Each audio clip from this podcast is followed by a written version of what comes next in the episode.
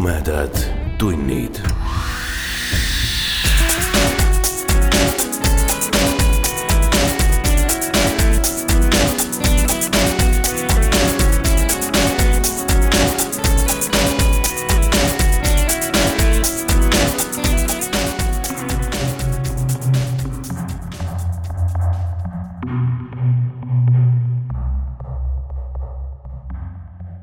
tere, hea ulmesõber.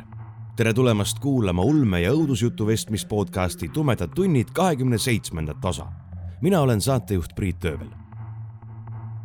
istume kodus ja mis meil kui loomingulistel inimestel muud teha on, kui luua, sellest rõõmu tunda ja loota, et meie podcast levib inimeste hulgas vähemalt sama kiiresti kui viirus sellele saate loomulikult ka kaasa aidata kõik teie, kes te jagate meie osi Facebookis, Youtube'is või Instagramis oleme tänulikud kõigile meie Patreoni toetajatele nende toetuse eest.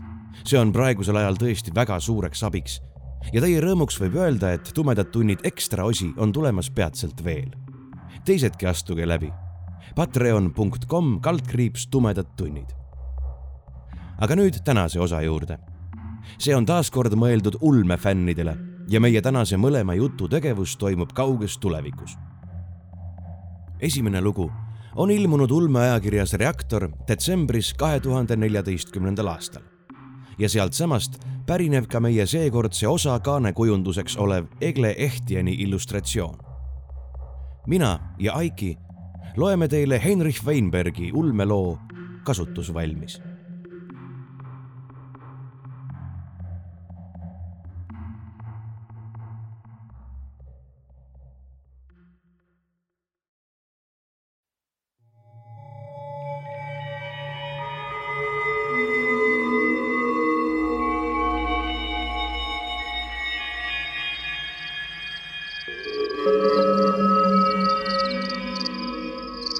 võimalik, et kõik, kel vähegi aru peas on ammu ära läinud. ma mõtlen maalt lahkunud. näiteks Kuule, Marsile, Veenusele, orbitaalidele, Saturni ja Jupiteri kuudele. isegi need hullud, kes on kolonisatsiooniüksustega võtnud ette aastakümnete pikkuse teekonna lähimatesse tähesüsteemidesse, tunduvad mulle üdini ratsionaalsete inimestena Nad ei tea, kas sealt on lootust leida asustamiskõlblikke maailmasid, aga vähemalt on neil lootus. mina istun Wildcati pesa värava juures kivirahnu otsas. mu ees laiub kõle tühermaa, mu kohal lasub raske matina triibuline Nebraska taevas ning lootust ei terenda kummastki. täna me ei lennuta rakette täna kõik näib vaikne, rahulik veel. täna vaenlast ei ole teel. on vaid tuul ja meelepete. tuulest aetud liiv ja tolm tekitavad lenneldes pööreldes iseloomulikku nühkivat heli. eemal künkaharjal kogunevad kilavad tõprad. päike on läänes vajumas künkliku silmapiiri taha radiatsiooni tasemest on juba peaaegu kadunud UV komponent. on lühikese videviku hetk, aeg, mil saab ümbritseva maastiku õudusi vaadata loomulikus valguses, turvise filtreid kasutamata. Maik, kõlab mu peas hääl. miks sa alles väljas oled? Jericho Heavens tundub murelikuna. hingan siin värsket õhku, vastan talle nii väga tahaks, et see oleks tõde. et kõik poleks lootusetult hukas ja inimkonna häving otsustatud. et saaksin rääkida preeriatest, merest, taevast, päikesest ja vihmast. aga ei, me kasvame üles maa-aluses pesas, mille koobastikud ja käigud sirutuvad sügavikku mu jalge all ja hargnevad miilide kaugusele. unelaulude vahele räägivad meie emad ja vanaemad jutte vanadest headest aegadest, kuid needki veedeti urgudes, millel olid lihtsalt ilusad nimed, nagu akvaarium ja solaarium. väga naljakas. torkab Cherry vastu. su näidud on kriitilise piiri peal ja vahetus lõppes juba ligemale tunni eest. mõnikord on Cherry tõeline jobu. ei teagi, miks, kuid tunne on hetkeks selline, et tahaks talle kohe eriti sitasti öelda.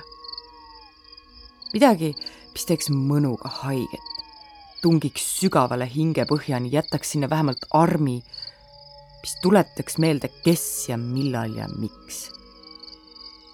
ohkan. tegelikult ma ju armastan teda. aga ikkagi, saast ma olen juba suur tüdruk ja oskan oma näite lugeda küll. tõusen ja võtan enda kõrvalt püssi. sersant Riley. Sekkub minu tusameele tormi vahtkonna ülema kapten McBride'i kare hääl. kui sa oma taguotsa kohe varjule ei vea, nühid aasta lõpuni peldikuid. tõprad on lähemale hiilinud. Nad on jõudnud otsusele, et mu lõhn viitab pigem saagile kui ohule. Neil värdjatel on rohkemgi kui õigus mitte, et nad seda teaksid või kunagi teada saaksid, kuid ma maitsen väga hästi. aktiveerin lahingukilbi, relva ja sensorid. Õnneks on need verejanulised elukad hetkel mu ainus probleem. vaenlase tegevusest märke pole. just nii, söör, ütlen kaptenile vastuseks. mõelgu ise, kas see tähendab märguannet korraldusele allumise kohta või nõusolekut peldikuid küürida hoidku jumal selle eest. Alli, lahinguturvise TM joonestab mulle parasjagu tulistamismustrit ja jooksutab nägemisvälja servas erinevate tegevusstsenaariumite õnnestumise tõenäosusprotsente. heameele naeratuse saatel tulistan plasmalaengu kõige lähemale jõudnud eluka näkku. Nad on kojottide ja huntide järeltulijad sekka ehk ka natuke metsistunud koerte DNA-d ning kamaluga viiruste ja radiatsiooni tekitatud mutatsioone. soomused, ogad, küünised, pikad kihvad ja mürgine ila. niisugune armastusväärne kooslus. sina pead tõpra tatti vältima, kõlab välispatrulli ellujäämisreegel järjepanu rünnakule sööstvaid elukaid tulistades taganen värava poole. astun üle punase joone ja värava TM aktiveerib tornides relvasüsteemid. üle mu pea vallandub tõeline tulevärk. Kuid täna on tõpraid palju rohkem kui tavaliselt ja realiseerub see ainuke võimalus N miljonist. üks elukatest hüppab ja läbib tulemüüri suuremate kadudeta. tema lõuad sulguvad mu sääre ümber ja ma kukun tagurpidi selili kuklast kostab vastik raksatus. lahingukiiver võtab löögiraskuse enda kanda, aga ikkagi on mu pea valu täis. Alli edastab hädakutsungi, mu kõrvu kriibivad hüüded staabist ja ma tõmban vöölt lõikuri.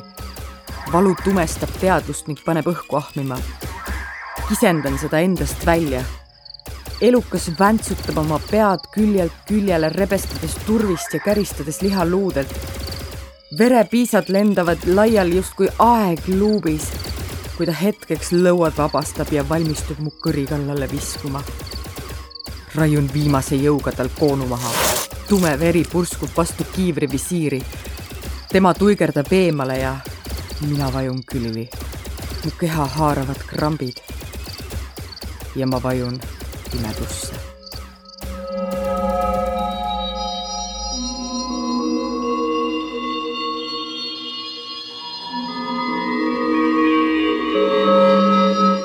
ETS-tehnoloog Jericho Jerry Heavens. vaatan seda, mis Mikaelast järele on jäänud. Nad hoiavad teda, seda, Stasise kapslis külma keeli sees hõljumas. juhtmed ulatuvad välja tema kehajäänuste külge kinnitatud anduritest. jämedate voolikute kimbud juhivad verd pumpadesse, sealt edasi ventilaatoritesse ja siis tagasi kehasse saast küll, Mike, mõtlen. miks sul oli vaja ometi tõbrastega norida? tema vasem jalg puudub puusast alates. mulle tundub, et osa puusa ja tuhar on samuti puudu. paremast jalast on alles reiejupp, mis lõpeb enne põlve. kahvatu roosade servadega avausest paremas küljes algavad teised voolikud mis viivad tema sisikonna alles jäänud organiteni toitaineid ja toovad tagasi ainevahetusjääke. tema mõlemad rinnad on alles jäänud. silmitsen neid ilusaid rindasid mõne hetke, hoides oma pilku teadlikult eemal rinnakorvi küljel haigutavast haavast. Maiki parema käe könt tundub olevat küüdarnukile lähemal kui enne ja vasemast käest on järel üksnes jupike õlavart.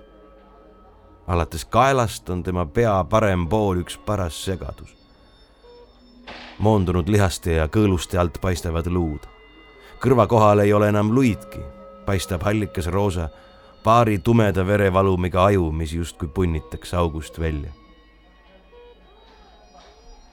see pole esimene kord, kui ta on viga saanud vigastused on perimeetri patrulli võitleja jaoks varjuna kannul hiiliv risk.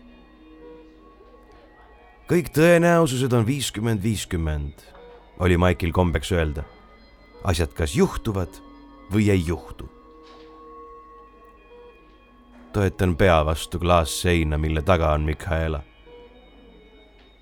ma püüan mõttes tõrjuda tema karjete kaja ja pilte sellest, kuidas tõvras tema liha ja kõõluseid rebestas tunnen uuesti seda abitust, mis mind turvise elu tagamissüsteemi monitooringu üksuse ekraane jälgides valdas.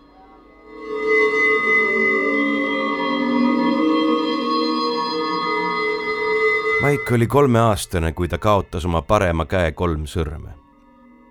ma olen seda lugu kuulnud ilmselt tuhat korda, kuid ikka ja jälle, kui me oleme koos tema vanemate kodus Wildcati jõukamas piirkonnas, Green Village'i sektor neli tasandil tuleb üks või teine tema õdede-vendade jõnglastest kilgates ja tahab kuulda, kuidas tädi Maik oma sõrmed kaotas lugu. ma olin siis mingi kahe või kolmene, alustab Maik oma selgitust, millele ema või isa või mõni õde-vend vahele segab. kolme aasta ja kahe kuu vanune Maik. sõnaga väike ja loll võtab Maik vanuse küsimused kokku kas sa enam ei ole väikene, tädi Mikaela? pärib seitsmeaastane Jake, kõige ninatargem väike nadikael, keda ma tean. Mike raputab pead ja ütleb tõsiselt. ei, Jake, enam ma pole väikene, nüüd olen ma ainult loll. ei, ei, tädi Mikaela, kilavad väikesed kooris, sa ei ole loll. ühesõnaga, jätkab Mike ma olin kolme aasta ja paari kuu vanune ning mingil suvalisel õhtul, kui isa nokitses köögis laua ääres meisterdada puidust lõikelauda minu tädi Rose'i sünnipäevakingiks, vedelesid tal siin igal pool erinevad tööriistad laiali. ema oli parasjagu samuti köögis laua ääres teed joomas ja isaga lobisemas. mina jalutasin kööki, võtsin lõikuri kätte ja enne kui kumbki neist jõudis midagi öelda või teha vajutasin nupule. Maik jääb neile otsa vaatama, justkui oleks sellega kõik öeldud. mis edasi sai? küsib keegi lastest. lõikur kukkus koos minu sõrmedega põrandale, vastab Maik. see pälvib grimasse ja vastikust väljendavaid häälitsusi. ma korjasin lõikuri ja sõrmed üles, panin need ilusasti lauale ja läksin tagasi elutuppa mängima jah, äkk, kas sul valus ei olnud? mis su sõrmedest sai, tädi Mikaela? Maik sirutab selle peale oma käe ja näitab neile.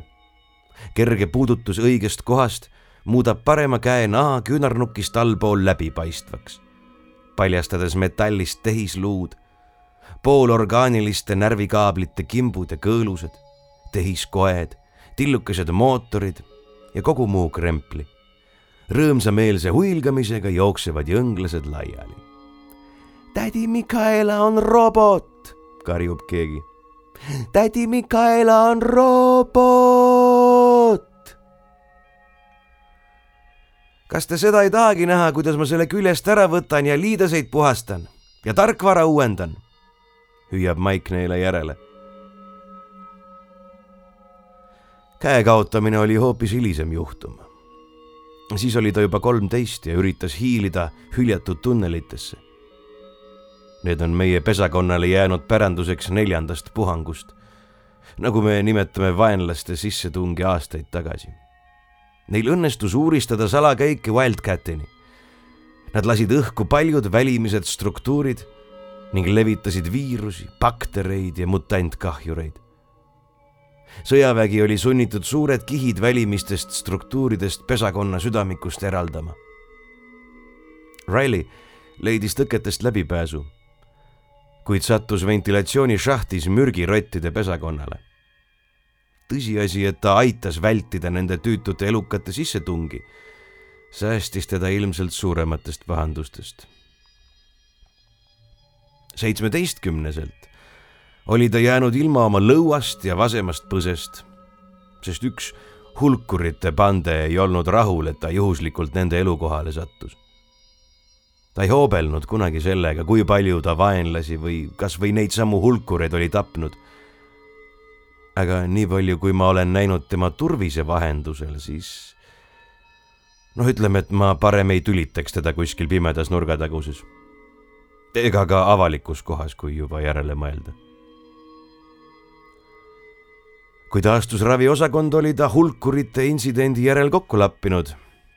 tuli tema juurde sõjaväe värbaja ning Mike liitus kaitsejõududega.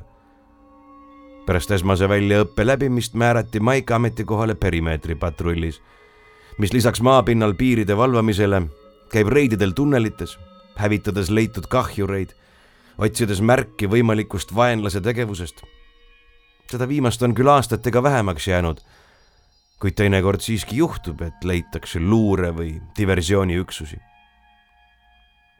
me ei ole siiani hüljatud tunneleid hävitanud. ühest küljest pole selleks ressursse, teisalt pole ka päriselt loobutud unistusest kunagi kaotatu tagasi võita. see aga tähendab paratamatut vajadust seda tunnelite, koobaste ja vähemate ruumide rägastikku seirata. Kahekümne kaheselt oli Maik vajanud uusi neere ja maksa. kuskil tunnelites agressiivse hallitusega kokkupuute tagajärjel tekkinud mürgituse kõrvalnähud. vaevalt oli ta need asjad korda saanud, kui jäi välispatrullis ilma oma teise käe pöidlast ja nimetissõrmest aastake hiljem sealsamas tunnelites oli tal olnud kohtumine õgardvakladega ja ta sai jala seljas närvikahjustusi ning päris suur osa tema nahast vajas uuesti kasvatamist. mina kohtusin Maikiga esimest korda, kui ta oli üsna äsja taastusravi osakonnast välja lastud, pärast seda hallituse jama. olin äsja akadeemiast välja lastud neoonroheline elutamissüsteemide tehnoloog kelle hoole alla usaldati perimeetri patrulli pooljao ülema, noorem seersant Mikaela Riley turvise ja DM-i monitooring. Ühest küljest oli meil krooniline inimeste defitsiit, teisalt olin ma oma kursuse parim. tervist, seersant Riley, ütlesin end operaatori kohal kuvarite taha sättides. siinpool Jericho Heavens, ETS tehnoloog kommunikatsiooniprotokollide kontrolliks valmis. Jericho Heavens. kõlas vastuseks keskmisest veidi madalam hääl. Millega sa oma esivanemad välja vihastasid, et sulle selline nimi anti? väga hea, seersant Riley, sõnasin oma parimas ametlikus kõnepruugis. link keskuse ja teie turvise vahel toimib suurepäraselt. kõik tehnilised näidud on ilusasti korras. TM on värskelt uuendused häälestanud tulemüür on töökorras ja võrguskaneeringud on seadistatud soovituslikule mõõdukale tasemele. Ja mida halba mina teinud olen, et mulle ülevaatajaks idu määrati? küsis Riley vahele segades. küllap igast akadeemiast välja lastud rohelisest idust kasvab omal ajal korralik võsu, seersant. jätkasin rahulikult. kuvasin enda vaatevälja keskmesse Mikaela Riley näolapi ja vaatasin selle ümber paigutunud näitusid Teie meditsiiniliste näitajate osas, seersant, paistab silma mõningane vererõhu tõus. ja võib-olla peaksite tähelepanu pöörama oma kolesterooli tasemele. teatavate ergutite jääkide keskmisest kõrgema kontsentratsiooni veres võin ilmselt kirjutada eelmise öö elevuse arvele. ta vaatas mulle hetke vaikides otsa kui sa peaksid mu pildi endale töölaua taustaks seadma või jumal hoidku kuhugi veel perverssemasse kohta, siis ma tulen ja lõikan su selgroo välja ja riputan selle oma elutoa seinale. ütles ta siis surmtõsiselt. võimalik, et selle lause kuuldavale toomise hetkel tema hääles puudunud emotsioonid ja fakt, et ta vererõhk langes ning pulss aeglustus, olid asjaolud, mis tõid mulle kerge külmavärina seljale. justkui tundnuks ma seal tema lõiketera. Justkui mõelnukski ta oma sõnu tõsiselt ja tundnuks selle kujutluspildi juures teatud rahuldust. ei maksa siin ülearu sappi pritsida, seersant Riley ütlesin hetke möödudes, kui sõnad uuesti meelde tulid. lükkasin ta näolapi nägemisvälja servale, et teha ruumi olulisematele, tehnilistele üksikasjadele. Mul õnnestus siiski vältida oma selgroo annetamist tema elutoa seina kaunistuseks. mitmeks järgmiseks nädalaks oli meie omavahelise suhtluse reegliks mõõdukas sapi pritsimine, mis küll tavaliselt asendus ametialaste repliikidega niipea kui Maik oma pooljaoga hüljatud tunnelitesse suundus.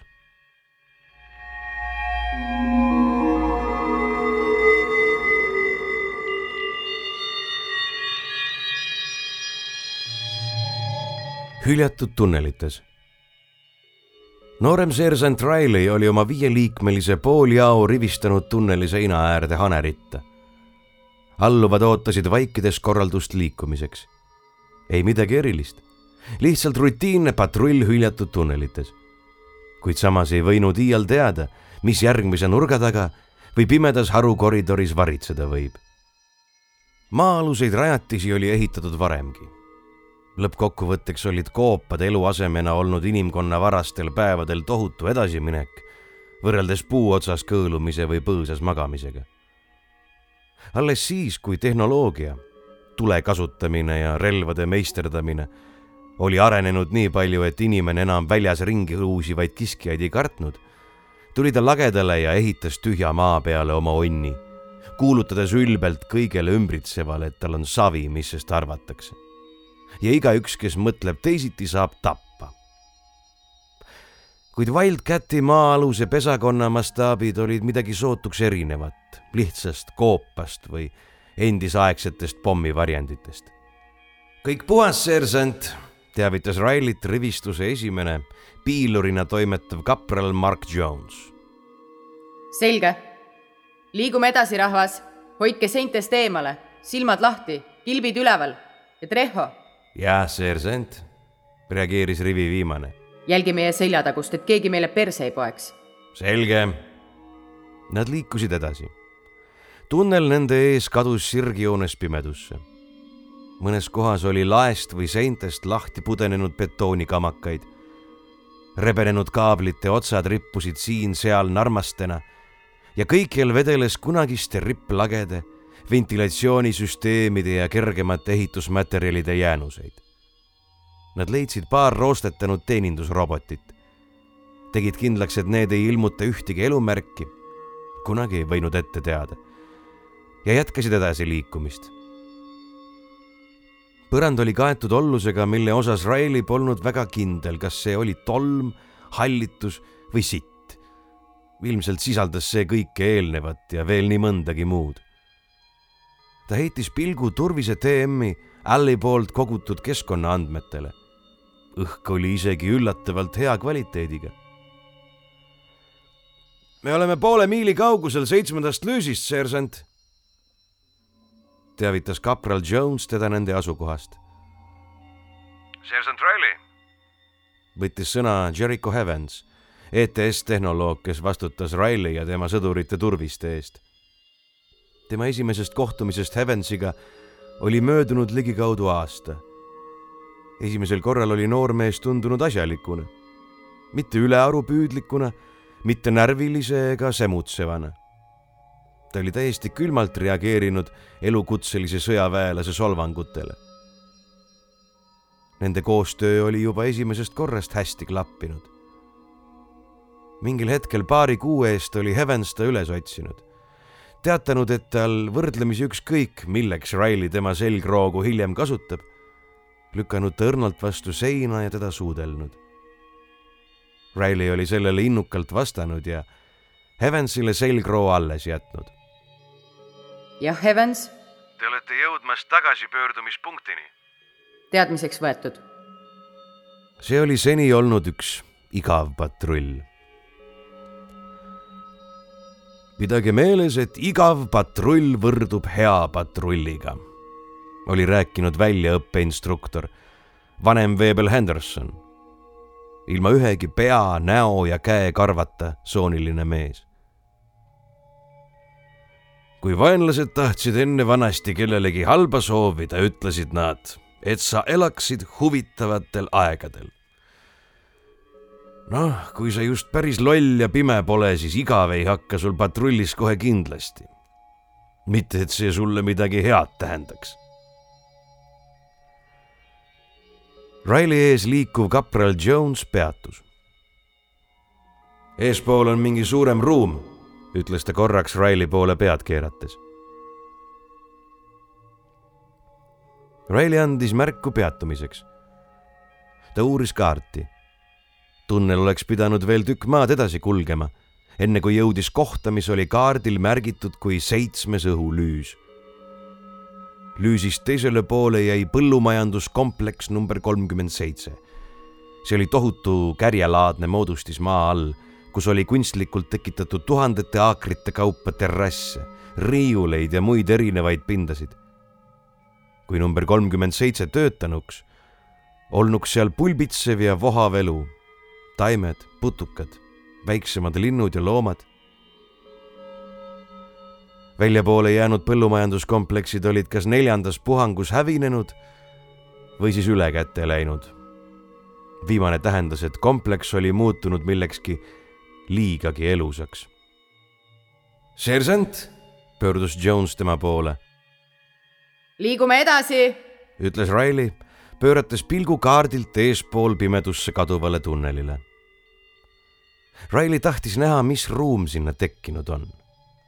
ta soovis jõuda seitsmenda lüüsini, et saada kinnitust selle tihedusele. mis iganes oli teisel pool ja elus, ei tohtinud tungida sissepoole. seejärel võivad nad rahus tagasi koju kõmpida ja raporteerida, et selles sektoris on hetkel suhteliselt igav Nad liikusid mõnikümmend sammu. kõnts, mis kattis põrandat, muutus kuidagi teistsuguseks. Riley luges silmanurgast keskkonnanäite. õhuniiskus kasvas. süsihappegaasi sisaldus suurenes. lisandus ammoniaaki, lämmastikku, väävelvesinikku. mingil hetkel oli selge, et nad sumpavad pahkluudeni bakteritest ja nende elutegevusjääkidest koosnevas pasas. laest rippusid erineva kujuga räbaldunud moodustised ja jalgealune ollus tundus ka seintele ronivat. ühtegi suuremat ja liikuvat eluvormi ei paistnud silma, kuid iga muutus keskkonnas oli faktor, mida ei tohtinud eirata. Riley andis uuesti märku peatumiseks, Kris, tule vaata seda siin lähemalt.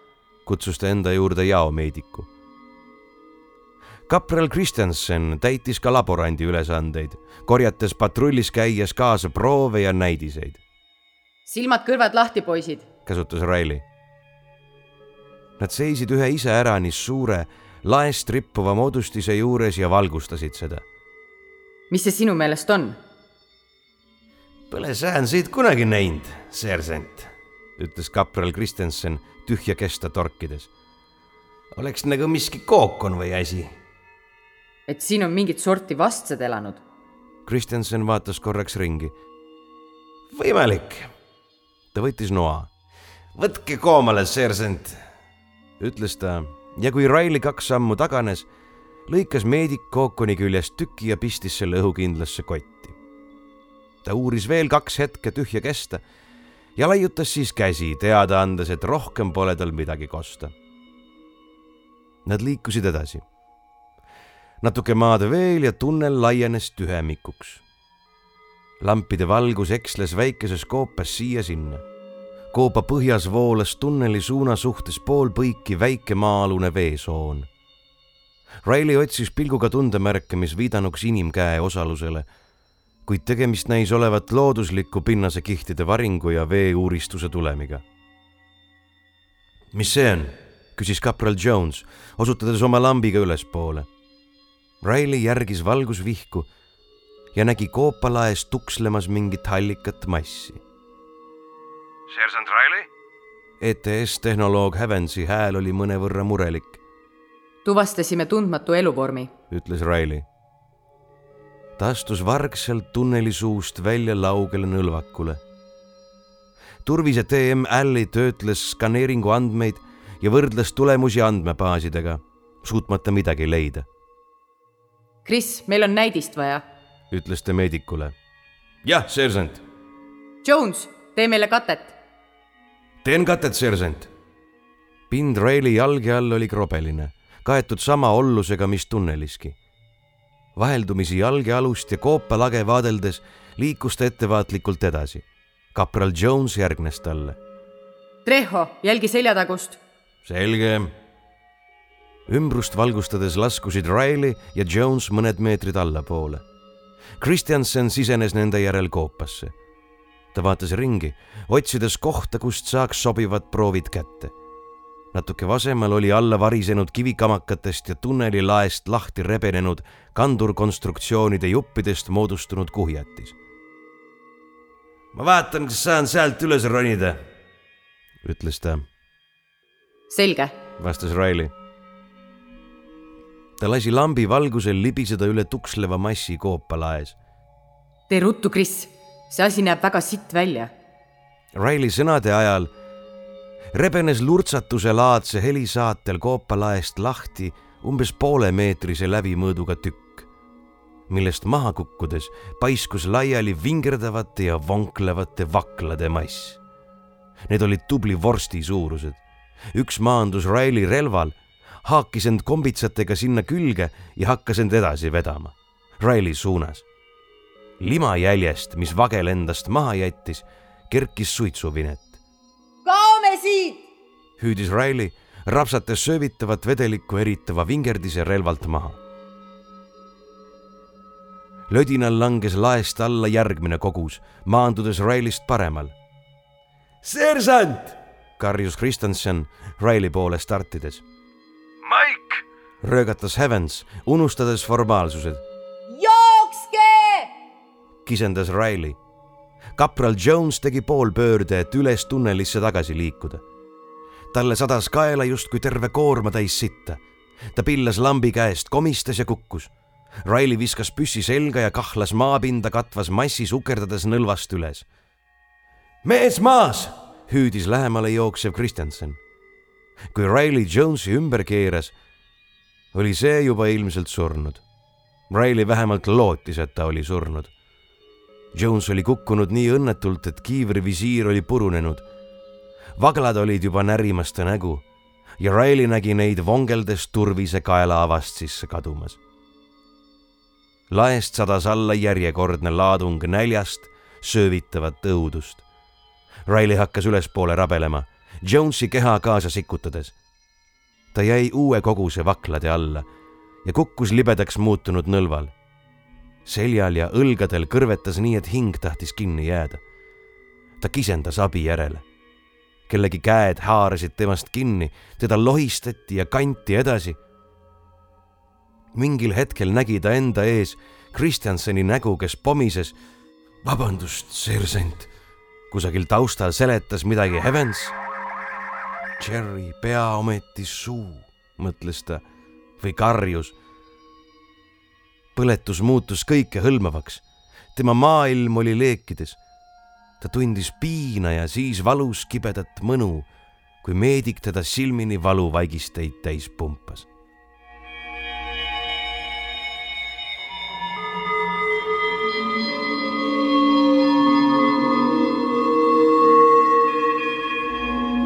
Riley pidi taastusravi osakonnas kaks kuud kõhuli nagu konn keeli vormis lamama kuni tehnikud talle nahka ja kudesid tagasi kasvatasid. viimaks lasti ta intensiivist välja ja tema juurde lubati külastajaid. teiste seas tuli ka Kristjansen teda vaatama. me pidime su selja üle põletama, et neist lahti saada, ütles meedik vabandavalt. muidu oleks nad su elusast pääst nahka pannud. Jonesist ei jäänudki suur midagist järgi. Kui puhastusmeeskond sinna kohale sai ja need raiped välja põletas, leidsid nad tema turvise. seegi oli üsna auklik. Jones ise. ta neelatas ja jäi vait, mis asjad need olid?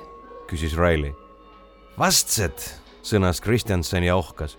ilmselt on nende esivanemate hulgas olnud kas herilasi või sipelgaid. taibud seletasid geenivärgist nii, et sülge pritsis.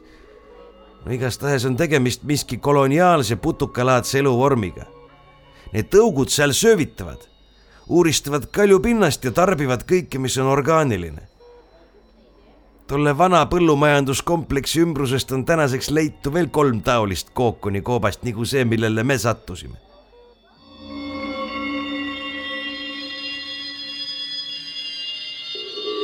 vapruse eest lahingus. Kaua sa niimoodi kavatsed jätkata? Jericho Evans seisis toa uksel, nõjatudes kergelt selle piidale tema hääles oli selline isemoodi tõreduse noot. Nende elamine koosnes väikesest kööginurgaga elutoast ja veelgi väiksemast magamistoast. kahe vahele jäi väike vahekäik, mille ühes seinas oli maast laeni liugustega kapp ja teisel pool asus tualettruum koos dušiga. Standardne sõjaväeline majutus paaridele, kellel polnud lapsi. kõrgematel tasanditel rohkem pesakonna südamiku lähedal oli jõukamatel inimestel eluruumi oluliselt lahedamalt käes. seal hoiti isegi haljasalade jaoks pinda. kuid nad kumbki ei nurisenud, sest allpool ja välimistes kihtides elasid miljonid inimesed sama hästi kui riiulites. Riley tõusis istesse, vaatas talle otsa ja laskus tagasi selili. istesse ja tagasi ta oli magamistoa vaba põrandapinna katnud võimlemismatiga ja tegi trenni. seitsekümmend neli, seitsekümmend viis, seitsekümmend kuus. kust mina peaksin seda teadma? istesse ja tagasi. seni, kuni mind kokku lappida suudetakse. kaheksakümmend, kaheksakümmend üks, kaheksakümmend kaks. Riley jäi matile lamama. Evans seisis vaikides uksel, silmitsedes kergelt hingeldavat, suletud silmadega põrandal lamavat naist. ta ootas oma küsimusele vastust, päris vastust. Riley hingas sügavalt sisse ja välja. ta proovis seda teha viisil, mis ei kõlaks ohkamisena. Ta oli osakonnast väljas kuu aega kaks nädalat sellest oli kulunud uuesti kõndima õppimiseks, et aju kohaneks parandatud närvide kaudu alakehast tulevate signaalidega. kuigi taastusravi osakonna insenerid oskasid häid juppe valmistada, nõudis nendega kohanemine aega. seni, kuni see mulle meeldib. seni, kuni ma suudan, kuni lastakse. küllap lastakse. mõtles ta endamisi valitsus ei olnud veel läinud sundmobilisatsiooni teed. Nad toetusid ikka veel vabatahtlikele. loomulikult motiveeriti seda vaba tahet igatpidi. kas üldse oligi veel selles maailmas mõni inimene, kes ei olnuks aju pestud? üle Heavensi näo vilksas justkui vari. ta võitles oma emotsioonidega, midagi ütlemata. Riley ei soovinud elukaaslase sõnatu etteheite sihtmärgiks olla ja keeras end kõhuli. toetas varbad maha ning hakkas kätekõverdusi tegema. üks, kaks, kolm, neli. ta ei suutnud muiet tagasi hoida, kui tundis väsimust ainult ühes käes. ta mõtles veel tõsisema treeningu peale, mis pidi nädala pärast senise füsioteraapia ja võimlemise perioodi lõppedes järgnema. uskumatu, kui laastavalt oli füüsilisele vormile mõjunud sundpuhkus haiglas ja iseenda kehaga uuesti sina peale saamine. kokku oli tal kolm kuud aega. siis pidi tulema teenistuskõlbulikkuse hindamine, füüsiline ja psühholoogiline test. neliteist, viisteist, kuusteist. Evans ohkas ja astus siis lähemale. Riley jõudis loendades neljakümneni. käsi värises, nägu õhetas, otsaesisel pärlendasid higipiisad ja seljas oli tunne, justkui valmistuks lihased iga hetk kärisema. nelikümmend üks, veel natuke, nelikümmend kaks, veel nelikümmend kolm, üks veel, nelikümmend neli, viimane nelikümmend viis. ah, neetud tõugud. käsi, tema luust ja lihast käsi ei kandnud enam ja ta kukkus ninali vastu mõimlemismatti. tegi Riley, keeras end selili ja jäi silmitsema mati kõrval seisvat Heavensit. mees kükitas ja silitas naise põske. Riley põimis käed talle ümber kaela, tõmbas ta lähemale, et suudelda. Nad polnud seda teinud juba liiga pikka aega ja korraga haaras teda teistmoodi värin. ta tahtis meest väga-väga enda lähedale, enda sisse. see on külm, ütles Evans tehiskätt silitades vaikselt, kui Riley korraks eemale tõmbus. kui sa natuke järele mõtled, siis võib-olla kumminaine polekski nii väga teistsugune, õrritas Riley, liibudes uuesti mehe vastu. saaksid teda ilusasti kodus kapis hoida, ei juhtuks temaga midagi halba ja on alati käepärast võtta, kui kasutada tahad Pole siin tarvis nii väga sappi pritsida, midagi, seersant, vastas Heavens torisedes, kuid tema silmades oli nüüd naeratus.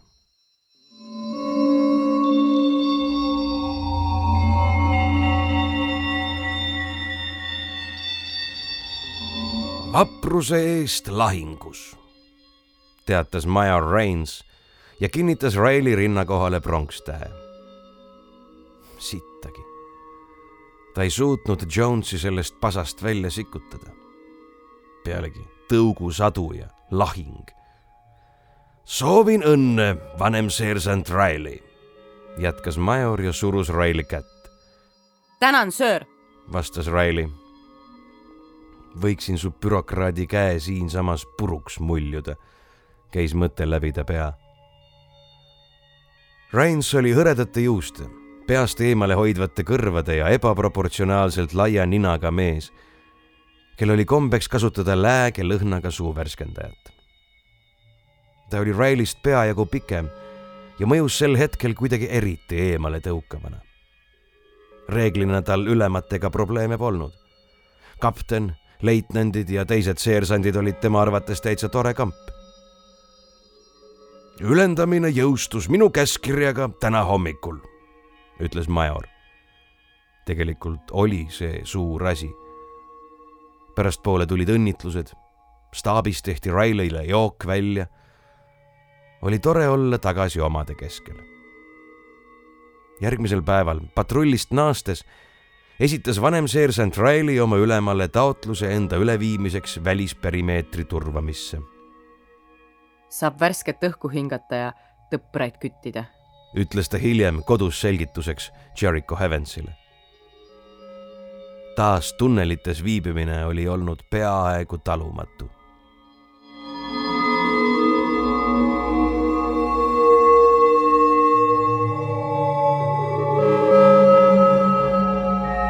ETS tehnoloog Jericho Jerry Heavens.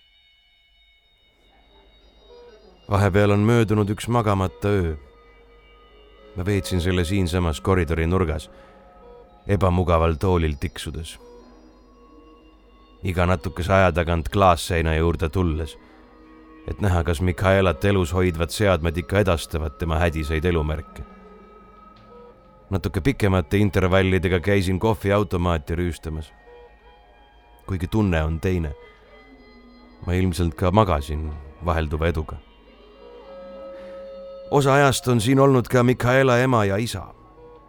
päris kesköö paiku käis läbi tema ülemus, kapten McBride, kes muuseas poetas, et Mike on ülendatud nooremleitnandiks. mismoodi tõbrastelt rappida saamine ja auastme ülendus omavahel seotud on, ei saa minu ülekoormatud aju aru. Vaatan varahommikul oma magamatusest punaste silmadega, kuidas arstid ja tehnikud askeldavad Maiki keha jäänuste kallal. näen seal karpe tehisliikmetega ja konteinereid, mis sisaldavad poolorgaanilisi tehiskudesid ja organeid. tundub, et teda valmistatakse ette protseduurideks. mind haarab selle vaatepildi juures korraga viha. Miks nad ometi ei lase tal rahus puhata? mida nad temast veel tahavad, et teda siin masinate küljes hoiavad? mis saab osakonnal tema jaoks veel varuks olla? ma soovin, et ta jääks elama.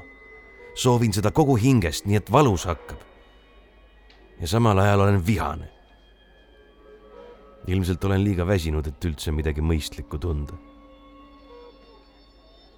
Me oleme Wildcatis üles kasvanud eakaaslastega mõõduvõtte korraldades, selgitamaks välja, kes on ikka kõige võikamaid asju üle elanud mu vanaonul mädanesid silmad peast. minu vanaemal jooksis verd ja mäda kõigist kehaavadest. minu vana-vana-vana sugulane oksendas enda sisikonna välja. ja sellele vaatamata mõjub teisel pool klaasi avanev pilt korraga tülgastavana. Ja ma lähen oma tooli peale tagasi. natuke hiljem tuleb mu juurde kõhetu mees mina olen doktor Norwell, tutvustab ta ennast ja surub mul kätt. mul on äärmiselt kahju, et teie naisega nii juhtus, härra Evans. neelatan, et saada lahti kurku tõusnud klombist ja pööran pilgu põrandale. tänan, pomisen. Meil oleks tarvis arutada leitnant Riley raviplaane, ütleb doktor Norwell vaikselt vaatan talle silma. mis raviplaan? mida on siin ravida? kas poleks mitte loogilisem küsida luba seadmete väljalülitamiseks? ma mõtlesin, et jätan oma lause lõpetamata ja noogutan sõnatult Maiki poole.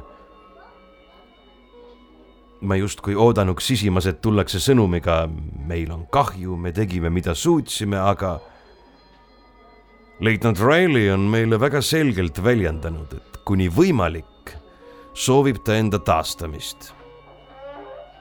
doktor Norwell ulatab mulle tahvli, millelt saan lugeda Maiki teenistuslepingu vastavaid klausleid. naeran seepeale kibedalt. siin pole ju enam midagi taastada. Temast pole enam pea sittagi järele jäänud. härra Evans ma arvan, et te alahindate oma naise elutahet, ütleb doktor Norwell muutumatult vaikse ja kaalutletud häälega. leitnant Reilly on olnud juba mitu aastat üks meie edukamatest testijatest taastumisprogrammis. tema kohanemisvõimelisus mm, varuosadega on olnud esmaklassiline. uuesti kerkib vihalaine. varuosadega mu naine pole mingi neetud laborirott, kelle peal te saate oma suva järgi katseid teha. saast küll, ta on lõppude lõpuks inimene. surun vihaga oma käsi rusikasse, nii et sõrmenukid valgeks tõmbuvad. tegelikult on see kõik siin asjade senise kulgemise loogiline jätk. nii kaua kui saan, oli Maik ise öelnud doktor Norvelli selgitused, mida ja kuidas nad edasi kavatsevad teha ei jõua päriselt minuni. ma ei suuda haarata detaile. peas vasardab üksnes mõte, see ei ole enam ravimine, see on remont. Nad teevad mu naisest masina, raisk. ajukahjustusi, siis leidsime, et on mõistlik proovida poolorgaanilise nanokiibistiku siirdamist, selgitab doktor Narvel. kuidas palun? pahvatan. vaadake teda lausub Norvel rahulikult. nagu ma seda vähe teinud oleksin. ma ei pööra arstilt pilku. tema aju on kahjustada saanud. kiibistik, mida nimetasin, toetab ajukoores elektriliste impulsside edastamist. korraga on seda kõike minu jaoks liiga palju. Tehke, mis tahate. pressin läbi hammaste ja torman doktor Norwellist mööda ma peaaegu jooksen läbi koridoride. silman eespool tualettruumi ust, trügin sinna praktiliselt üht valges kitlis arsti eest tõugates sisse ja tema hämmingust ja protestist välja tegemata võtan paar viimast pikka sammu, mis mind tualetiboksist lahutavad. Siis olen juba põlvile poti juures ja öögin nii, et hing kinni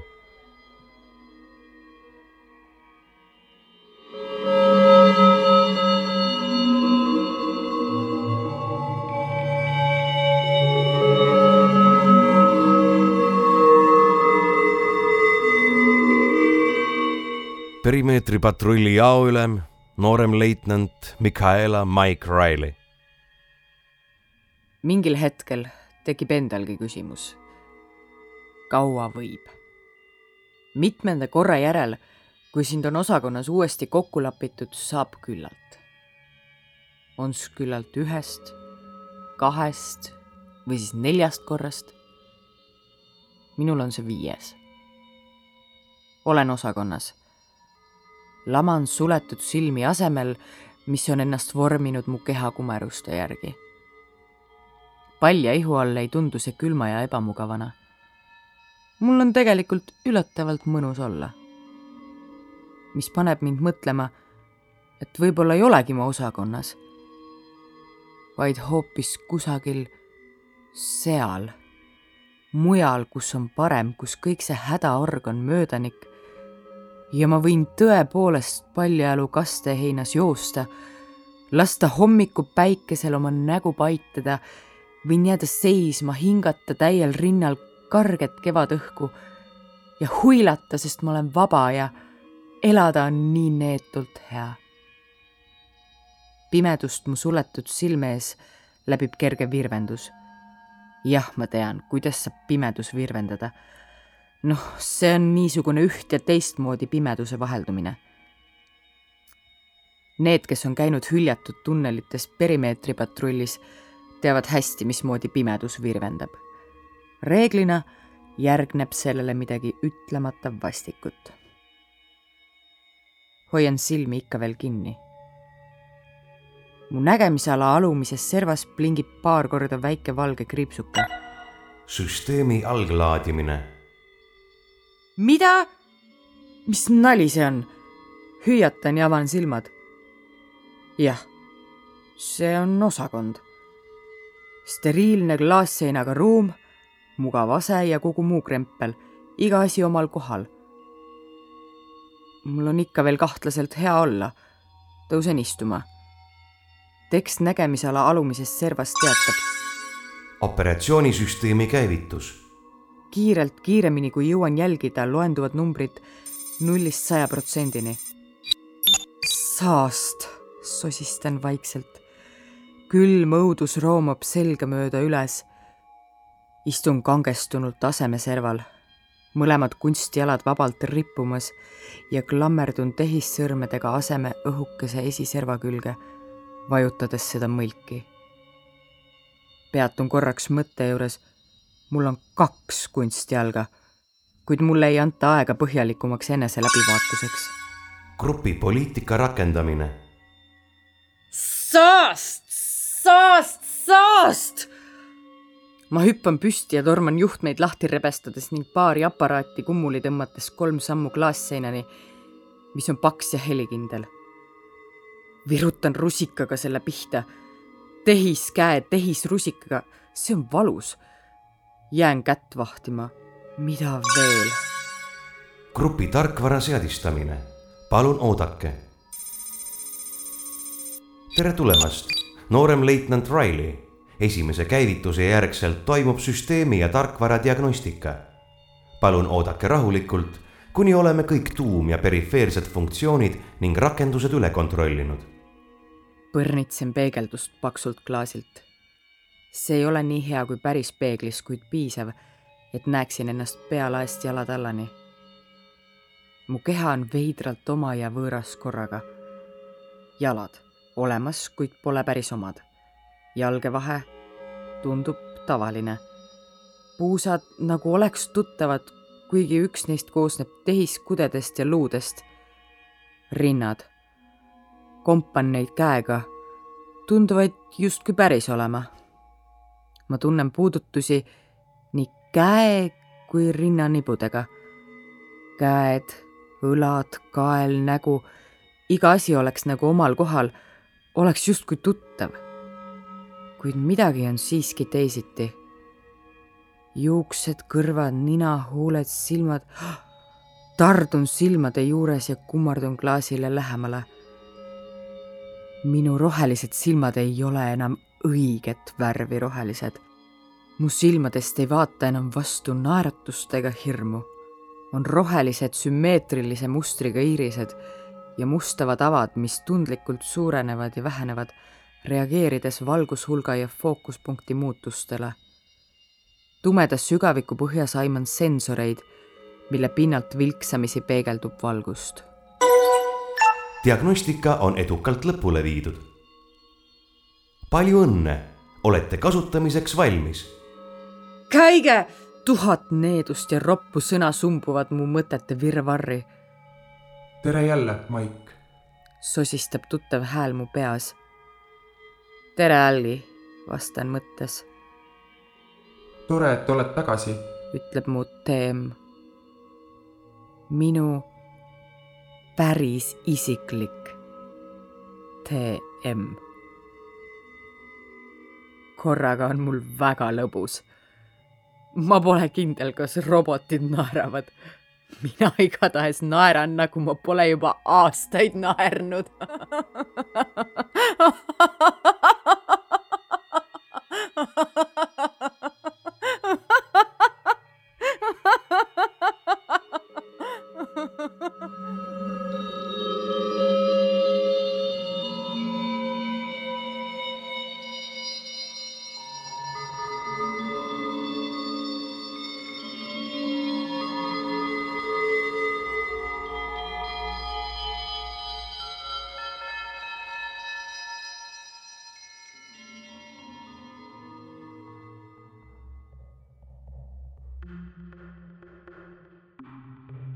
tänane teine lugu viib taas kokku ulmetehnoloogia ja Eesti vanad muinasjutud. see on ilmunud ulmeajakirjas Reaktor septembris kahe tuhande kaheksateistkümnendal aastal. mina ja Aiki loeme teile Laura Loolaiu kosmilise udujutu Kreutzwaldi ainetel. vaeslapse faasinihe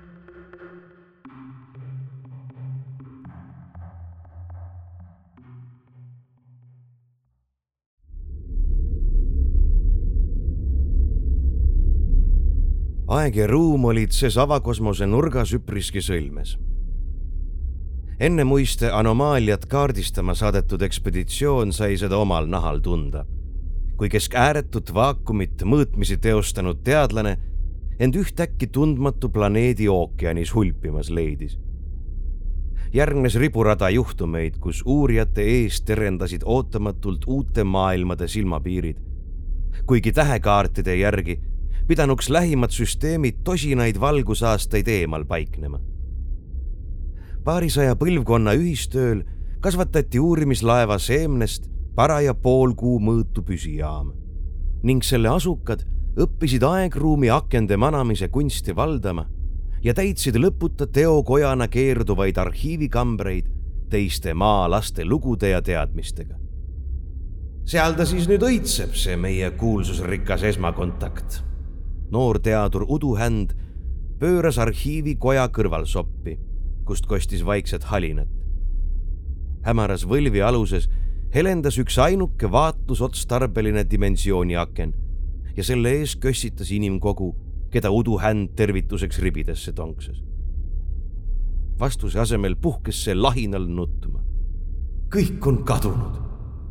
minust ei saa iialgi tõelist väliõpetlast noor teadur Pihlapung löristas nutta ja mudis oma öötaeva karva seitsmesõrmseid käsi.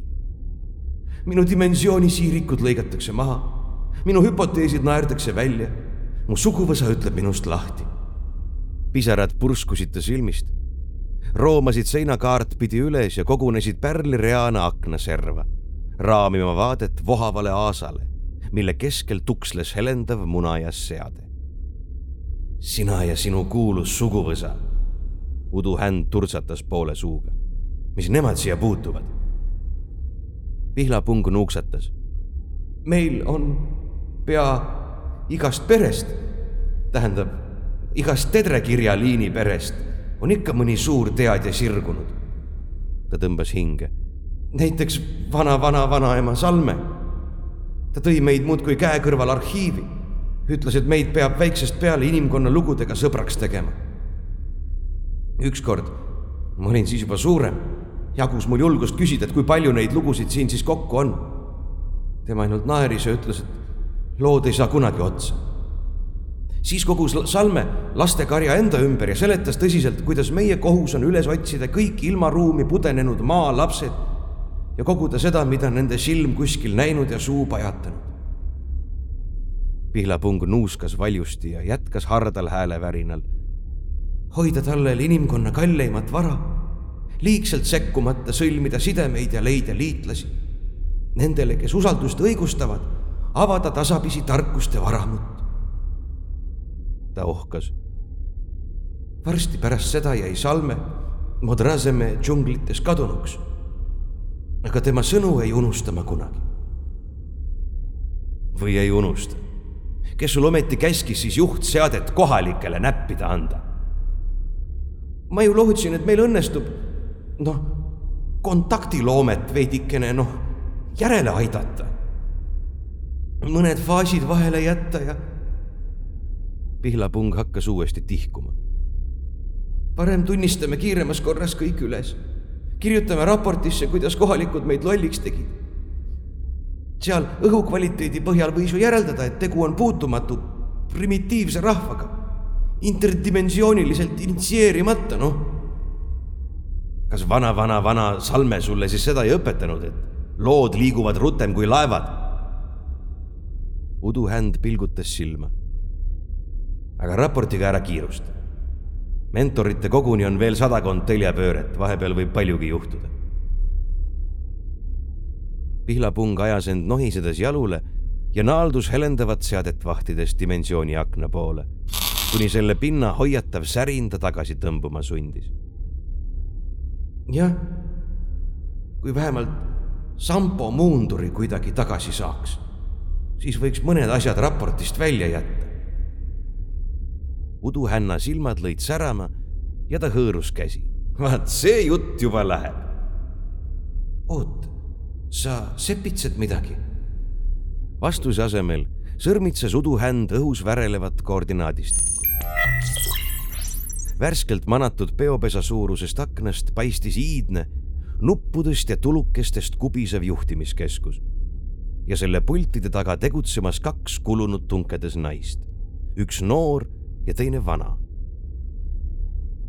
paar päevatsüklit veel, siis saab seltskonda, õhkas vanem naine ja põrgatas oma lopsaka kere peapuldi istmele. noorem põrnitses sõnatult navigatsiooniekraani, kus blinkisid süsteemide vahelise anomaalia kontuurid ja uurimisjaama märkiv punktike. ega nad meid ei kuule? pihlapung tasandas häält uduhänd raputas pead ja asus akna kõrvale ridamisi andmeid kuvama. Alus San Juldusi süsteemist, ette nähtud jalavägede transpordiks. sealsed asustatud maailmad on haaratud äärmiselt nürimeelsete konfliktide lainesse, mis ei taha ega taha otsa saada. kuigi analoogruumi mõistes on nad meie naabrid, oleme me sõjategevuse pärast otsekontaktide algatamist seni edasi lükanud. mõistad? kui nad pole Gaia diasporaa harta liikmed. Pihlapung tõmbas kihistades pea õlgade vahele. just, neile pole keegi Shatorke viirust sisse istutanud.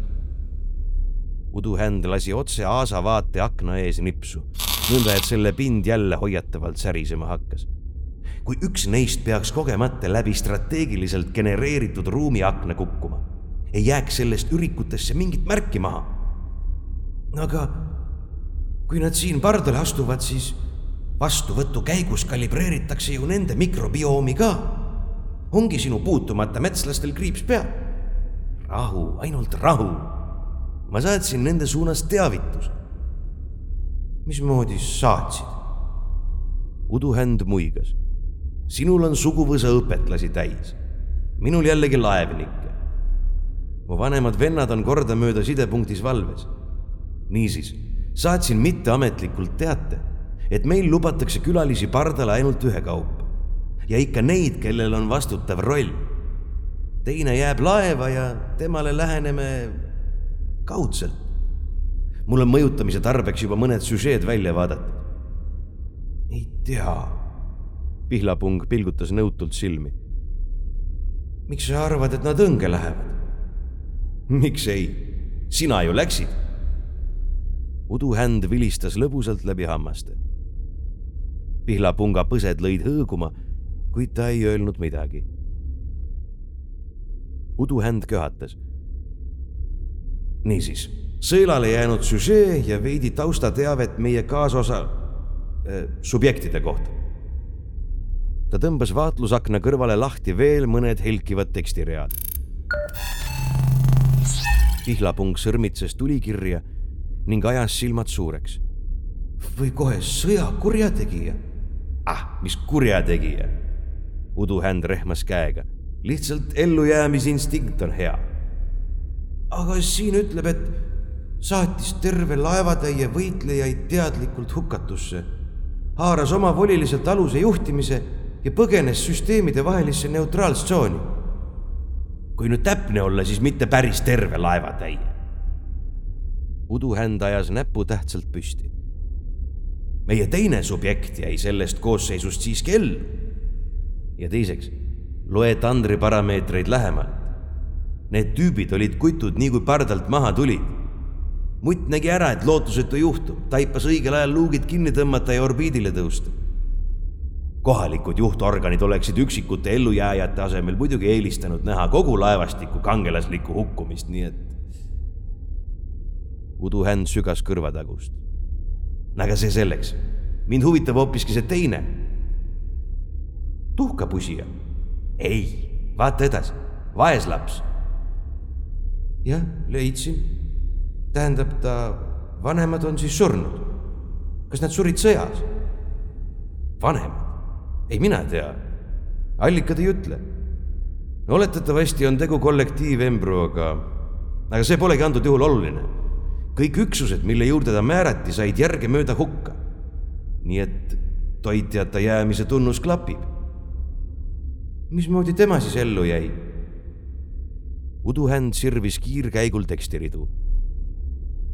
paistab sedaviisi, et kui talle relv kätte usaldati, kippus alati järgnema mõni sõbralik intsident. ja nii juhtuski, et alati, kui üksus välja saadeti, leidis tagalapealik, seesama vanamutt, talle mõne pakilise ülesande. nii ka seekord, sel ajal, kui õed-vennad kangelaslikult hukka said, oli plika parajasti väljakäike küürimas. aga kuidas on teiste tunnustega? siin seisab, et vaeslaps peab tegema rasket tööd ja kannatama jõhkrat ülekohut uduhänd deklameeris haleda häälega. Et tal vara natukest rohkem ei olnud kui omaenda küünemust ja see pisku, mis kaotajavägede univormi karmanisse mahtus, pidi tütarlaps oma ülapidamise usinusega tasa teenima. nii jäi tema tööks rohesünteesi käitamine ja gaasivahetusmoodulite hooldus. ta pugistas naerda sohvimatu töökomponent niisiis peaaegu klapib plika kühveldab jääkorgaanikat aineringlustünnidesse ja. ja on ikka raske töö, parasjagu. tundub küll, et ta väldib juhtimiskeskust täiesti sihilikult ja tolkneb vetikafarmis rohkem privaatsuse pärast. mõtle ise, oma koiku, värske õhk, mõõdukas külgetõmme, laseb kõndida, aga konti ei koorma.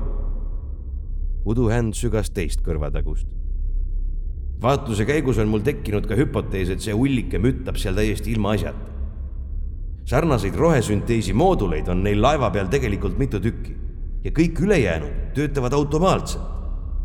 pealik mutt ainult käib ja kontrollib aeg-ajalt. pihlapung itsitas. kas see vanamutt, tähendab pealik, seda vaestlast ikka peksab ka? siin ju öeldakse, ai, ära näpista. mis, tahtsid rohkem kannatusi? uduhänd togis teist naerdes ribidesse.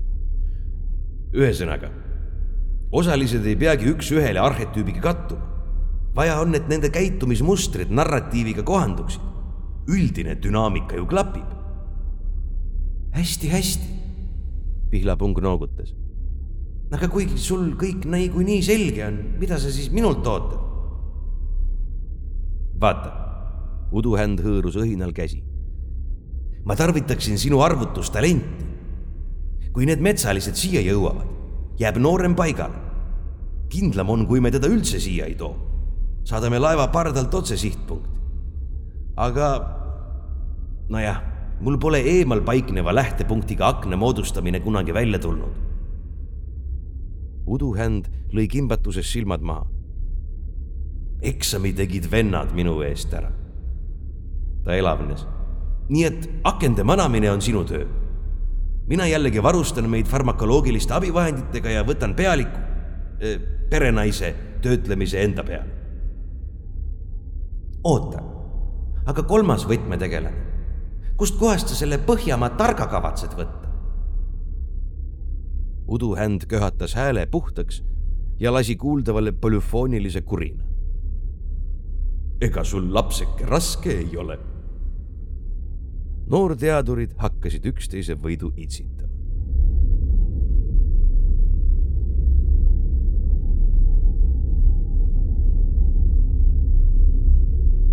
vaeslaps oli end parasjagu koigule pikutama seadnud, kui laeva sisestruktuuri värin ta istukile ehmatas. põkkumine. Suures õhinas igasugust vastumeelsust unustades kargas ta jalule ja ronis kribinal mööda redeleid ja käike juhtimiskeskusesse. seal ajas tagalapealik juba suhtlusprotokolle jutti ja oli jõudnud koguni värviliste eraldusmärkidega vaakumikaitse ülikonda pugeda. kas varsti lähmegi? suurest ronimisest lõõtsutades polnud vaeslapsel aega omaenda väljanägemist märgata. Tea, mis sinul sinna asja peaks olema? mühatas tagalapealik. noh, inimesi näha ja. vaeslapse õhin kahanes kiiresti. tagalapealik hakkas suure häälega naerma ei, need seal pole ammugi enam õiged inimesed nii kaua ulgu ilma vahtinud, et ise ka juba seda nägu. meie kandis oli üks teisest süsteemist pärit vanaid, kes oli neid ise ligidalt näinud. Tema hüüdis neid virmalisteks. aga mida nad seal teevad, seal need virmalised? kauplevad, koguvad teavet. ära päri nii palju. pealik takseeris vaeslast ja krimpsutas nina niikuinii lubatakse küll ainult üks. ja võõrastega kohtuma läheb siiski selle aluse vääriline esindaja, mitte mõni kaltsakas. jääd siia ja hoiad elutoe süsteemidel silma peal. see on käsk. kui tagalapealik kõigi oma univormiga välislüüside poole oli kadunud, vinnas vaeslaps end sidepuldi ligi ja uuris ekraane täitvaid võõrastes keeltes kirju ja liikuvaid pilte nii paljukest rõõmu sai ta endale ometi lubada.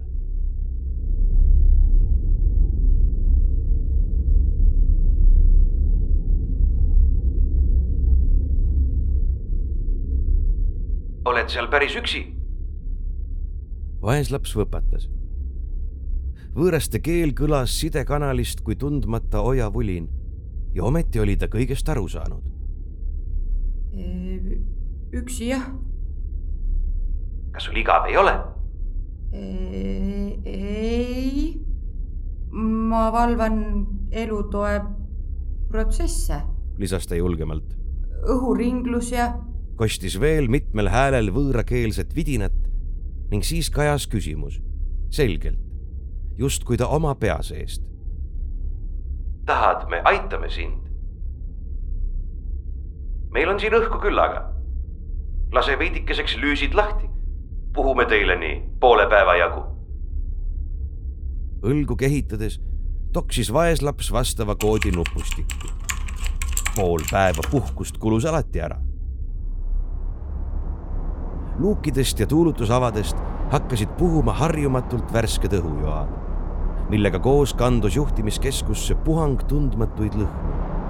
vürtsid ja vaigud, puud ja viljad vaeslaps tõmbas end rihmaga istme külge ning sulges mõnuledes silmad. kergendus, väsimus ja ootamatud aistingud tegid oma töö ning peagi suigatas ta magusalt, käed-jalad laiali hõljumas. Noorteadurid, vandeseltslased, kes olid end taas arhiivikambri varjulises külglöövis sisse seadnud, vahetasid pilke. nägid nüüd? natuke kailuhõngulist udujuttu ja ongi subjektstsenaariumisse kistud. sehkenda talle paras aken istumise alla ja järgmine faas võib alata.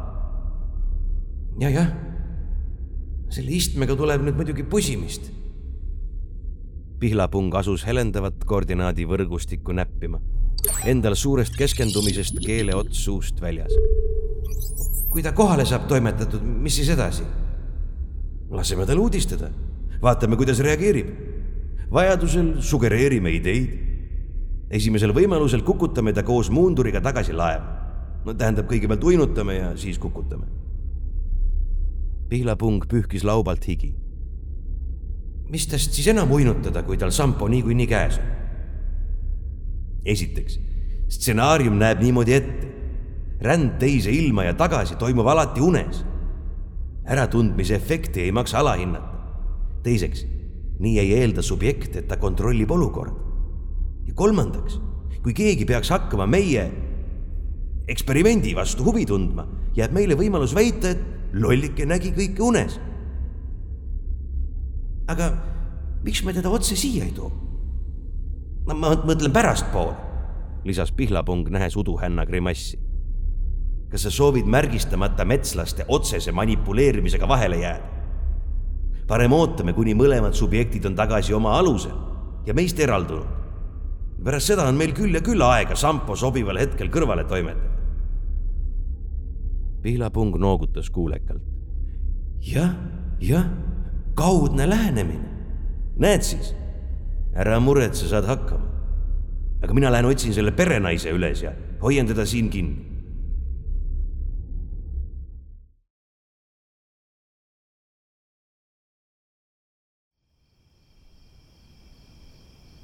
vaeslaps avas aevastades silmad, sirutas end mõnusalt vetruval mättal ja kergitas ükshaaval harjumatult raskeid liikmeid.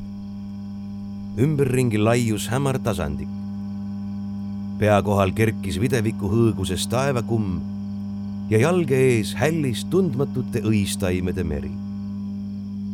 eemalt kostis ta kõrvu ühetoonilist kutsuvat suminat.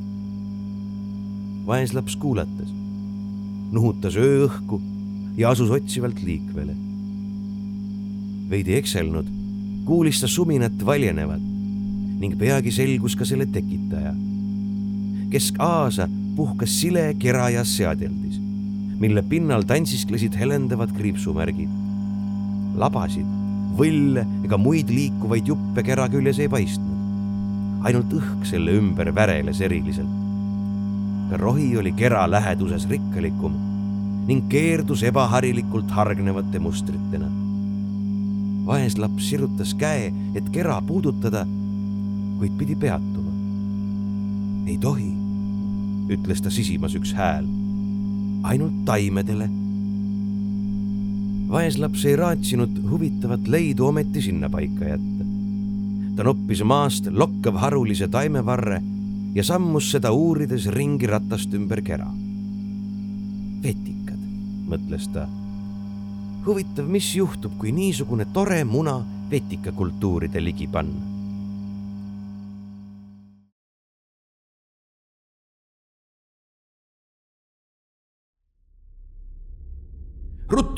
viska orvukene oma kohale tagasi. hõikas uduhänd jooksu pealt. perenaine jõuab kohe laeva. sa, sa pidid teda ju siin kinni hoidma. pihlapung asus kiirustades koordinaatide kallale. hoiangi noh, põhimõtteliselt. uduhänd potsatas hingetult arhiivikoja põrandale.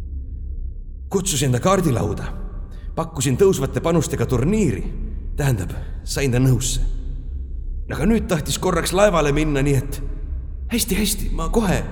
egas mateeria akna paigas hoidmine pole mõni naljategu. nii, lülitus ja valmis. pihlapung pühkis käsi. kas äratame ta? las magab, saabki natuke nalja.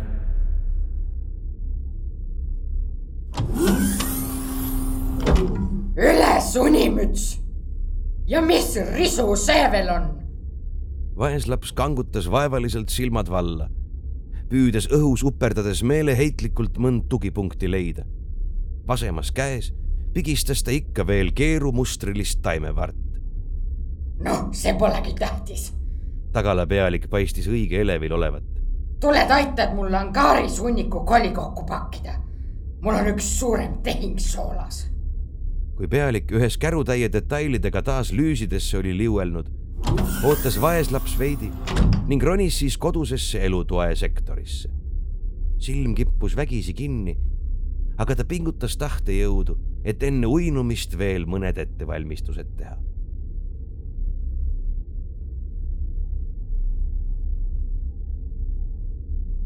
noorteadurid lasid üheskoos valla sügava kergendusohke. näed, kus nüüd toimetab. Plikal läkski mõte tööle. natuke veel ja stsenaarium läheb edasi. pilk kahe vaatlusakna vahel pendeldamas jätkas Pihlapung nohinal andmete joondamist, kuni vaeslapse norskav kogu läbi laevapõrandale seatud portaali hulpis ja pehme potsatusega Aasa maailma vaatevälja sadas. valmis. ja nüüd? passid peale, mis ta teeb ja tõmbad sobival hetkel uuesti laeva, lihtne. ma lähen nüüd tagasi perenaist töötlema. uduhänd poetas põrandale pika pudeli. näe, peaaegu läks meelest tõin meile keelekastet ka. ta vaatas pika pilguga, kuidas pihlapung pudelist sõõmu võttis ja asutas minekule.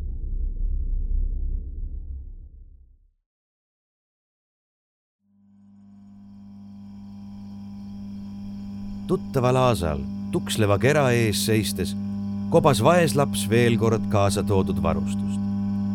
trossid, millega ta end tavaliselt koiku külge ankurdas, rippusid kenasti vöörakmete küljes Nende kõrval aga ilutses paar raskeid kaitsekindaid. ta lasi trossid ühest otsast valla, keeras neist silmuse ja seadis selle kera ümber. siis sättis ta kinnastatud käed teine teisele poole kera ning sikutas tagumiku toel silmuse koomale. Ettevalmistustega ühele poole saanud, pigistas vaeslaps silmad kõvasti kinni. kui ta valju aevastusega ärgates end laevas koiku kõrval istumas leidis kostis sealtsamast käeulatusest ka tuttav sumin. vaeslaps sukerdas jalule ja mähkis kera hellasti kindakäppadesse. ainult taimedele meenus unenäos kuuldud hoiatus ning ta kandis kera tasahilju rohemassi tündrite poole. mida lähemale jõuti, seda kindlamalt blinkisid kriipsumärgid kera pinnal ning nähtamatu tung kiskus seda enda poole mis nüüd? jäid ka tukkuma? pihlapung ehmus istuli. ah, mina pole teinud, see oli uni, muinasjutt. tasa, tasa, pole siin kedagi. Tulin ütlema, et meie külalised asusid teele. see tähendab. pihlapung nühkis uimaselt nägu ja haigutas mm. -hmm. järgmine faas. ta uuris umbusklikult kahte vaatlusakent mõlemad olid endisel kohal. kuid laeva akna kontuurid võbelesid ja hüplesid. nähes sealt aga kumamas tuttavaid kriipsumärke, pihlapung virgus. no nii, sambokene, aeg koju tulla. ta hõõrus käed soojaks ja asus tööle. juba kasvaski otse nende nina all mateeria läbilaskekaake, millest kerkis ümber töödeldud orgaanika jõulist hingust Sampo muunduri podisemine kostis juba käeulatusest, kui poolik portaal järsku uuesti kokku kiskus. pihlapung punnitas, kuni ta siirik sõrmed hakkasid sinist suitsu välja ajama, kuid sellest polnud abi. ta tõstis hädiselt pilgu. Nende kiirendus on liiga suur ja mateeriaportaal, no jaksa käsitsi lahti hoida. aga arvutusmasinaga, kas siis jaksad? jaa, ju vist. Läki siis sidepunkti, vennad aitavad. uduhänd upitas kaaslase püsti. ära muretse, stsenaarium pole veel läbi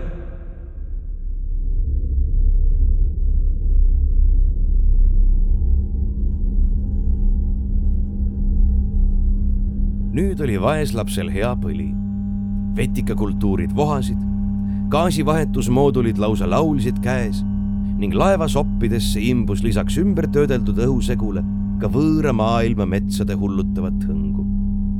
kui vaeslaps silmad sulges, oleks ta otsekui kuulnud heljuva kasteheina sahinaid ja suleliste nokkelajate mitmehäälset vidistamist. Need laulsid kaugest maast, kus loomulik atmosfäär kummus sinise kaarena kõrgustes ja inimesed võisid kohaliku tähe kuldsel paistel kartuseta ringi jalutada.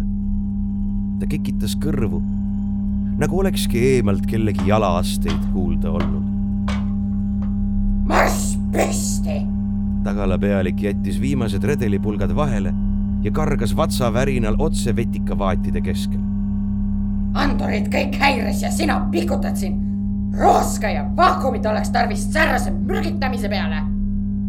kõik on korras, piuksatas vaeslaps. ta oleks tahtnud lisada, et süsteem pole lihtsalt lisajõudlusega kohanenud. kuid juba märkaski tagalapealik vaadi küljes huugavat kera. või nii on lood? laskled siin hoopis võõra tehnoloogia arvelt ma kahtlustasin kohe, et sa oled salaja jaamas käinud, siis kui mina läbirääkimistega hõivatud olin.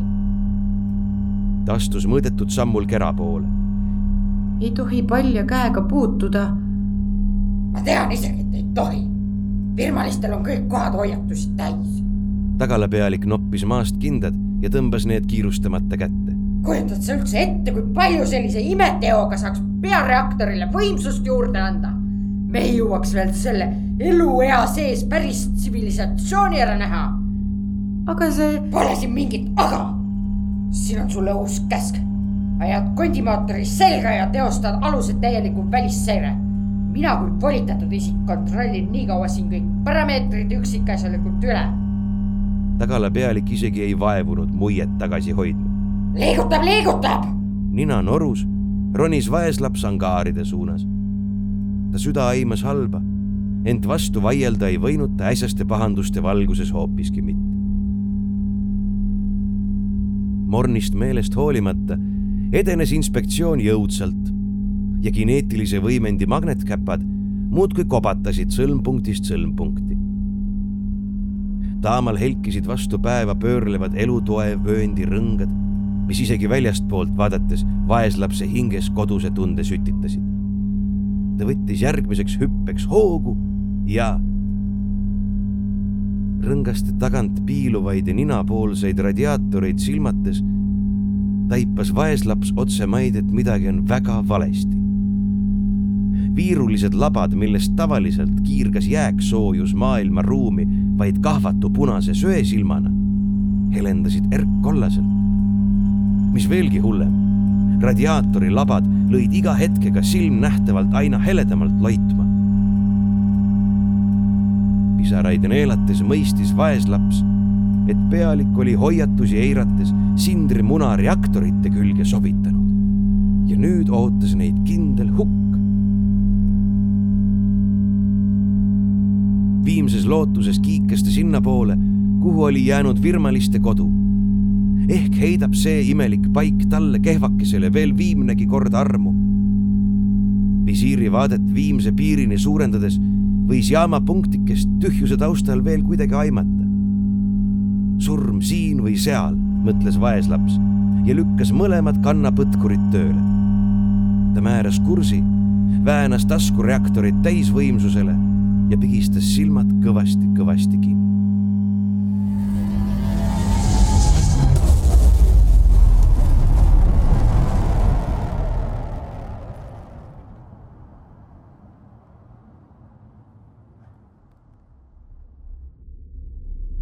Noor teadur Pihlapung ägises vaevaliselt.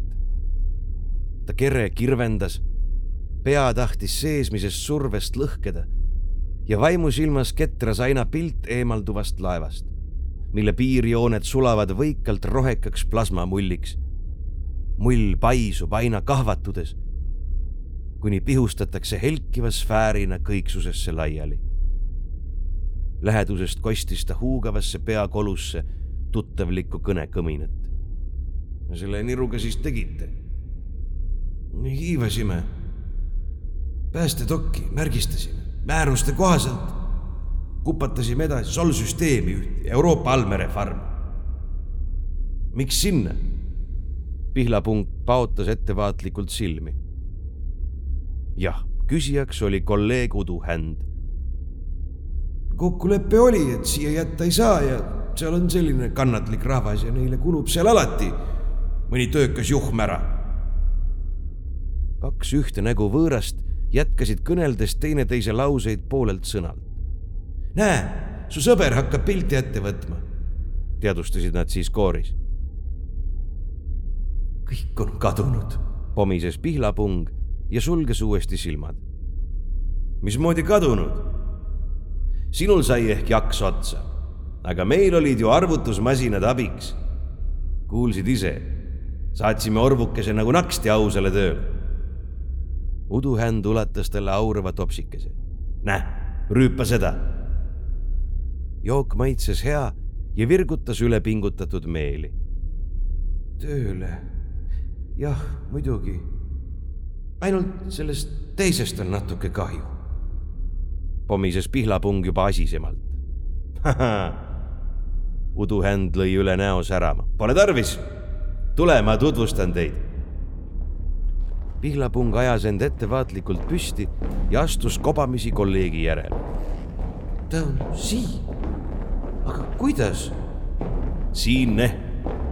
mutt nokkis juba teise partii ajaks välja, et meil on lollikesega mingi plaan. hakkas järjest kaotama, ähvardas koguni mängu katki jätta. aga mul on ju valmis teda paigal hoida, eks ole. Siis sai mõned meie plaani üksikasjad mängu pandud.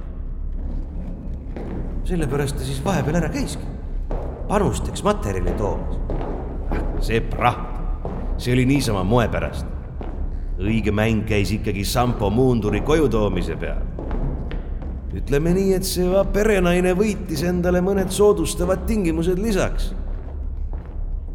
tingimused? et võimaldame tal päriseks siia jääda. Ja et plika saadame kuhugi mujale, kaugele mujale Nad astusid avarasse võlvialusesse, mille soppidest kajas vastu mängu ja joogitubade sumin. nii et kiire minemasõit ja katastroof. uduhänd noogutas. meil tuli tekitada tõeline hädaolukord. otsustasin sind sellest välja jätta. ehk annad pettuse andeks. pihlapung nohises leplikult. Et siis jah, uduhänd köhatas.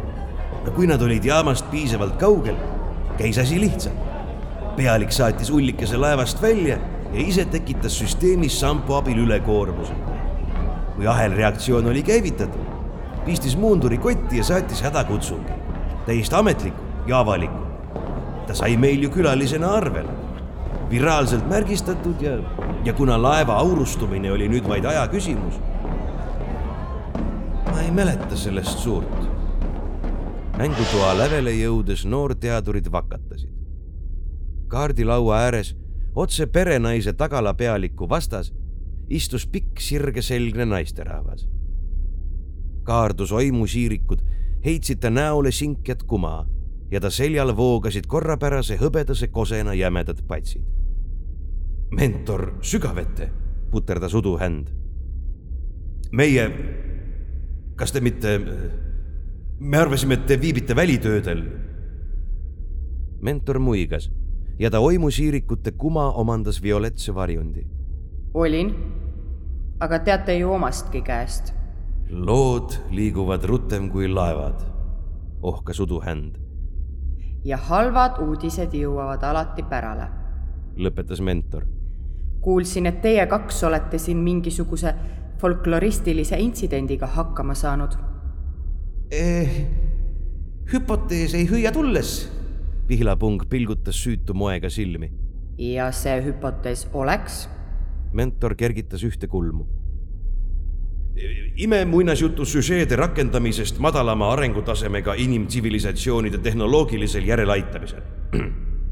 vuristas uduhänd viksilt. nii, nii.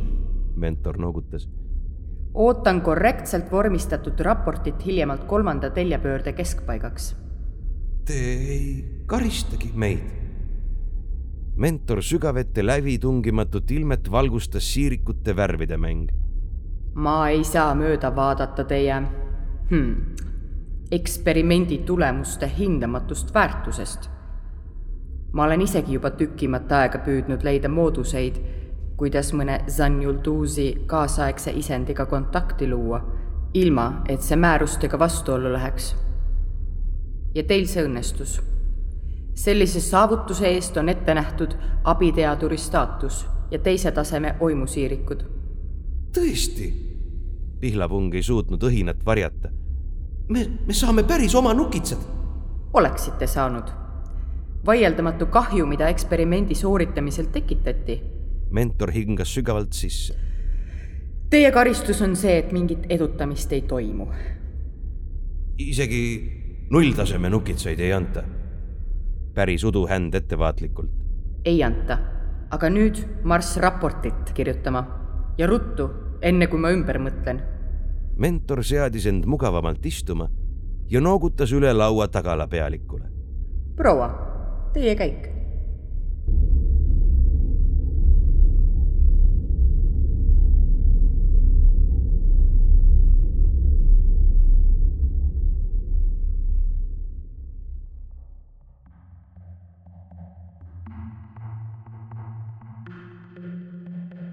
ja ongi tänaseks kõik.